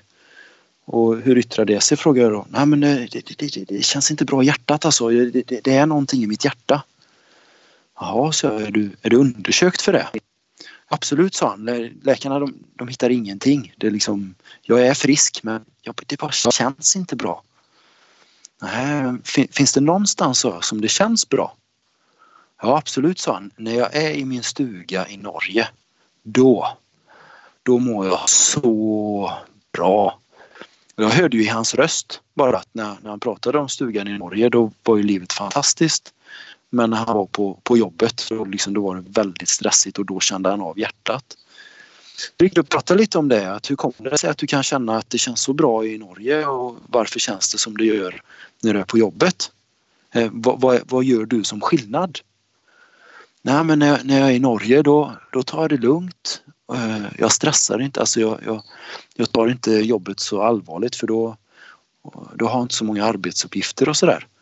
Nej, vad, vad händer på jobbet? Nej men då är det ju väldigt mycket. Då, då är det jättemycket. Okej, okay, så om, om vi, och så gick vi och pratade lite grann om det och han sa att Nej, men nu, nu känns det lite bättre och då frågade han hur, hur, vad gör du på dagarna? Han bara, jag, jag borde träna, sa han. Men jag får sån ångest av att jag inte tränar för jag, jag hinner inte. Känns det bättre i kroppen? Nej. Hur, hur många gånger i veckan skulle du vilja träna? Nej men tre, timmar, tre timmar i veckan vore bra. Okej, så 30 timmar i veckan, ja men det är bra. Då, då kan du ha det som mål och så ser vi vart det tar vägen. Men vad gör du de andra 170 timmarna i veckan? När, när du inte har ångest för att du inte kommer iväg och tränar så att säga. Vad, vad, vad gör du på dagarna? Ja, det, det, hade han ju liksom aldrig reflekterat över riktigt att hur han gick och hur han, hur han rörde sig på dagen och hur han spände sig.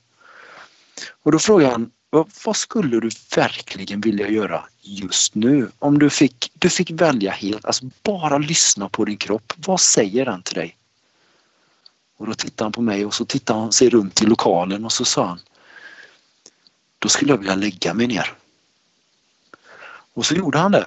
Så han stod där i sin jättefina kostym och så lägger han sig ner på konstgräset här i Walkfieldingparken och så, så låg han där en stund. Och efter bara någon minut så såg jag att han började le. Och då frågade jag vad, vad är det du ler för? Han bara, det känns så skönt. Jag tror aldrig jag lyssnat på min kropp innan, sa han. Vad, men vad vill du göra nu då när du har legat här en stund? Nej men kan vi inte gå lite, sa han.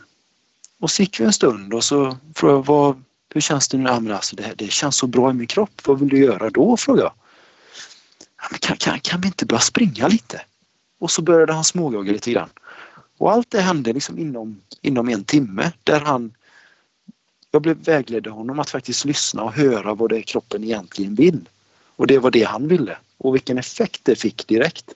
När han gick ut härifrån så hade han rosa kinder och han log. Alltså he hela han verkligen log. Vilket bra exempel på hur vi ska känna efter och lyssna på vår kropp och hur vårt rörelsemönster kan påverka stress i vår kropp. Och jag tänker, jag kände ju själv där också när du sa till mig att känna efter hur de olika stegen kändes. Och det, det var ju faktiskt väldigt mycket att går jag för snabbt så, så, så känns det precis där någonstans vid hjärtat. Det blir liksom lite, eller det är som att det, man får en klump där inne på något sätt. Eller att det, det var min känsla av det, att man känner en liten stressklump inne i hjärtat eller magen eller vad man ska säga. Mm. Så att jag tyckte att det påverkade väldigt mycket just det här hur man känner sig. Och jag ändrade också uppfattning lite. Jag har ju sagt det här tidigare då till mina klienter, gå inte springa. Men om man hade kunnat hitta den här växel 2 som är ett väldigt avslappnat sätt att småspringa på så hade det för min del funkat lika bra för mina stressade och utmattade klienter, tycker jag. Mm. Mm. Häftigt. Mm. Och en annan sak apropå det förresten. Jag bodde ett par vintrar i Venezuela på en liten, en liten, liten ö där de knappt har någonting. Där var det så här väldigt, väldigt långsamt tempo. Alla bara gick lugnt och man själv hakade ju på det där tempot. Så att eh, när jag känner mig väldigt stressad och så ringer jag min kompis som var med där någon av vintrarna. Så brukar hon säga, du Anna kom ihåg nu att nu ska du gå Venezuela. och, det, och, det, funkar väldigt bra det här att man går väldigt långsamt ett tag. Så, eh, så bara, ha, mm. så sjunker stressen. mm. Ja men visst är det häftigt och vi pratade om det i början idag med att hjärtat hänger ihop med alla musklerna. Och det gör det ju för från hjärtat så går det ju blodkärl Alltså det, det blodet går ut i kroppen och de, de, går ju till alla musklerna. Så spänner man musklerna då re, sker det liksom kedjereaktion in till hjärtat med trycket i kroppen och så vidare. Och kan man då balansera det med att lära sig använda musklerna så, så kanske det kan ha en påverkan på hjärtat. Att det kan hjälpa det på något sätt. Alltså, det, hjärtat pumpar ändå 100 000 slag per dag så jag tänker att kan man gå med kroppen istället för att gå emot den så kan det ge fantastiska förutsättningar för framtiden. Om man nu är intresserad av att komma till dig, vad händer egentligen? Alltså, hur går det till? Mm. Eh, jag tror inte jag nämnde det i början där, men vi, vi är ju 15 tränare i Sverige och vi, har, vi håller just nu på att bygga världens första walkfeelingpark i Mölndal i Göteborg. Eh, det är eh, 1000 kvadratmeter där vi, vi går med människor. Så när man kommer hit så träffas vi och vi lägger jättemycket tid på att lyssna på personerna, se vad de är och verkligen förstå helheten om vem de är och vad de faktiskt behöver just för att de själva ska kunna upptäcka vad som är viktigt och unikt för dem. Och då, då går man med våra coacher eh, och under tiden så är det samtal. Man diskuterar, man pratar om rörelse, Eh, vi pratar om det, det de själva är där för och har önskemål om. Och sen använder vi helt enkelt gången som verktyget. Eh, så går du på, till en massör då, då trycker de på kroppen. De använder sina händer och så olja och sen så trycker de på musklerna och försöker bli av med muskelspänningarna. Och går man till eh, Optimum, till exempel Marcus och Helena, så, så får man övningar som balanserar kroppen och försöker jämna ut liksom balansen i kroppen. Och vi använder helt enkelt gången. Att när man går, att man ska hitta sina muskelspänningar och eh, att man på så sätt själv ska kunna eh, vänja sig av vid muskelspänningarna i sitt gångmönster. Så att de ska försvinna, för, för går gör vi ju redan. Eh, och då, man behöver inte byta om. Eh, det tar ju liksom ingen extra tid utan man, man kan man kan träna på det här när man går från hemmet till bilen eller när man går och handlar eller när man är ute och promenerar med en kompis eller när man går från kontoret till eh, kopiatorn eller man är på väg till ett kundmöte eller när som helst. Och det är det som är så kraftfullt med detta att man, man kan påverka sin kropp så många gånger för vi tar ju ganska många steg under dagarna. Bara lite konkret då, om det är någon som lyssnar som tänker jag undrar om jag behöver gå till Eh, till Tommy och hans kollegor. Och då gissar jag att egentligen borde väl alla göra det, men hur märker man själv att man har problem med sin gång eller någon obalans som borde åtgärdas med rätt rörelsemönster? Mm. Eh, det är en jätteviktig fråga just för att eh, kroppen pratar med oss hela tiden. Allting är ju rörelsemönster, alltså när vi sitter, när vi går, när vi dricker vatten, när vi borstar tänderna, när vi lyfter någonting och allt det tillsammans skapar ju någonting. Och, och det, när kroppen viskar till oss, det kan vi känna i form av spänningar. Man börjar bli lite spänd någonstans eller att när man går så är det stötigt eller man känner att man haltar. Liksom man, man belastar kroppen olika. Eh, det, det, kan vara att man har fått diagnoser med att man, det ena benet är längre än det andra eller att man har hälsporre eller artros eller eh, inflammationer, man har ont någonstans så att man har smärta. Så smärta är väl när kroppen skriker på oss och spänningar det här när det är lite ömt, eller så det, det är början på viskningarna. Så vad man än känner däremellan i det spannet så, så kan gången ha en jättestor påverkan på om detta ska läka eller inte.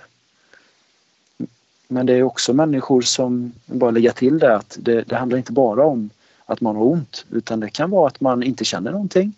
Man mår jättebra och man tränar och eh, det känns väldigt lätt i kroppen och, och då kan man titta på, på det förebyggande syfte. Att se hur kan vi optimera rörelsen ännu mer? Som när vi har jobbat med eh, hockeyspelare och skidstjärnor och dansare så är det ju både skadan och optimeringen som de har varit ute efter. Och, eh, när vi har jobbat med rullstolsbundna och amputerade så har det ju varit att de vill lära sig använda de förutsättningarna som de har. När vi har jobbat med barn så är de väldigt fria och lätta så då har det handlat mycket om att hjälpa föräldrarna och barnen att, att hitta ett mönster som de kan ha med sig för resten av sitt liv för att slippa mycket av de problemen som jag själv hade. Tittar man på äldre personer så är det ju att man vill minska på de besvären som de har och, och, hjälpa dem att få så bra förutsättningar som de kan få med de, med de åren som finns kvar. Så de äldsta vi har jobbat med är 94. Så det väntar vi på att, att någon ska slå då. ja. Jag har som sagt pushat dig lite här under hela intervjun om mm, konkreta mm, tips och vad lyssnarna kan göra själva. Ja, men eh, kan vi summera det här på något sätt? Alltså berätta om saker som lyssnarna kan göra hemma själva. Dels för sin gång och dels om de springer. Mm. Ja, om vi ska summera det här som vi har pratat om nu så att börja hitta tron på sig själv igen att, eh, att tro på det man gör, att tro på att man kan bli bra, att tro på att kroppen faktiskt hjälper oss. Att, att det, det är den livsfunktionen vår kära kropp har. Det är att, att den vill må bra. Och kan vi då börja lyssna på vår kropp och höra vad den faktiskt säger, att vi, vi kan börja leva med kroppen och eh, acceptera den för vad den är och respektera den och faktiskt börja uppskatta vår kropp igen. Så är det väldigt, väldigt bra förutsättningar rent konkret och, och, praktiskt när man sen tittar på hur man kan använda kroppen så att sänka farten, sänka hastigheten är så himla viktigt i vårt samhälle nu. Eh, tyvärr är det många som känner ett motstånd när de gör det för man tänker att ah, så här långsamt kan man ju inte gå. Men det som vi pratade om innan, det handlar inte om att gå långsamt utan det handlar om att lyssna på sin kropp och känna när behöver man gå långsamt och återhämta sig och ladda batterierna och när kan man gå fort och hur kan man faktiskt gå fort men ändå skonsamt så att man får lära sig det. Och kanske till och med använda växel 2. Och som, som löpare då att man börjar titta på löpsteget att hur, hur använder jag hela kroppen som en enhet när jag springer? Eh, och inte bara som det är nu att det är många som har fokus på fötterna och så. Och fötterna är viktiga men knäna, höfterna, andningen, magen, axlarna, händerna, huvudet, allting är lika viktigt. Så det ena går inte att utesluta det andra utan att man börjar skaffa sig en att vilja ha en helhet av hur man faktiskt rör sig så man får med sig hela kroppen när man går och springer. Jättebra summerat tyckte jag det var. Och en sak som, som jag själv brukar tänka på är att det, eller jag, innan har jag främst tänkt på det när jag har sprungit, att det ska kännas skönt och lätt och ledigt och avslappnat i hela kroppen. Eh, eller det är klart, det måste vara muskler som arbetar när man springer, men ändå att, som du säger, överkroppen särskilt, att det ska kännas skönt. Och eh, nu då sen jag träffade dig första gången så har jag också börjat tänka på att just det, i gången måste ju också kännas så, att det ska kännas avslappnat och ledigt och skönt. Mm. Ja, jag håller med. Det är ju en gåva, så vi, vi har ju en gåva sen vi föddes att, att det ska kännas ledigt och lätt. Och tittar man på barn, alltså den, den friheten som de springer omkring i hela dagarna är ju, är ju underbar att se den glädjen som de har och den nyfikenheten. Och kan man börja upptäcka den igen så kommer ju livet bli mycket, mycket kul. Alltså det finns så mycket att upptäcka. Både inne i kroppen och ute i världen. Hur kan man få veta mer om dig? Eh, ja, hur kan man få veta mer om mig och framförallt oss i Walkfeeling? Det är att vi vill jättegärna komma i kontakt med människor och, och börja eh, prata om de här sakerna, att börja svara på frågor. För som vi sa innan att det här är någonting helt nytt. Det här är någonting som aldrig har funnits tidigare. Vi har, vi har skapat ett sätt att jobba med människor som aldrig har funnits och det är jätteunikt. Och då kan det vara bra att få bolla det, att få prata om det. Så vi, vi erbjuder 20 minuter gratis rådgivning både på plats här i parken eh, eller i eh, online. Att man kan ringa oss och så bokar vi in ett möte och så snackar vi lite grann och ser hur, hur, kan, vi, hur kan det här hjälpa er? Eh, det är det absolut bästa sättet. Sen har vi en hemsida, walkfeeling.se. Vi håller på att lansera en helt ny hemsida.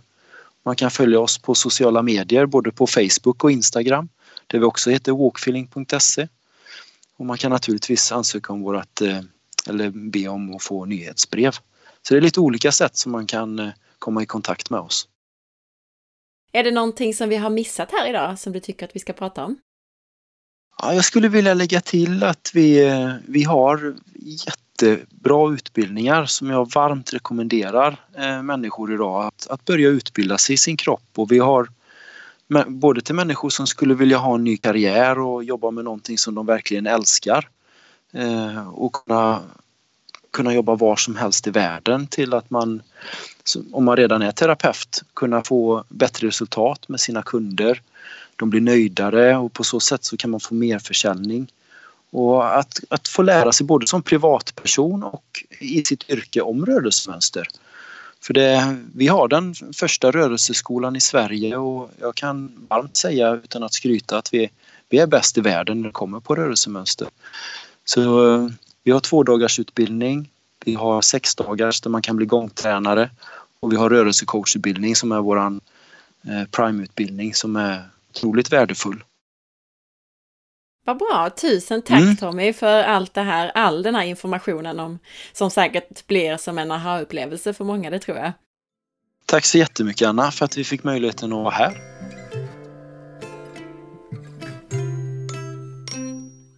Tack för att du lyssnade! Jag hoppas att du gillade intervjun. Om du gillade podcasten så glöm nu inte att dela den och tipsa andra Missa inte heller att följa med på facebook.com forhealth.se och på Instagram via asparre. Veckans recension i iTunes är från Anna, TL79, som skriver I en klass för sig. Den här podden sticker ut i den snåriga och något glättiga poddjungeln. Proffsig och faktaspäckad ger den inspiration till ett hälsosammare liv. Tack Anna Sparre! Tusen tack! Ha nu en riktigt fin dag så hörs vi snart igen. Hej då!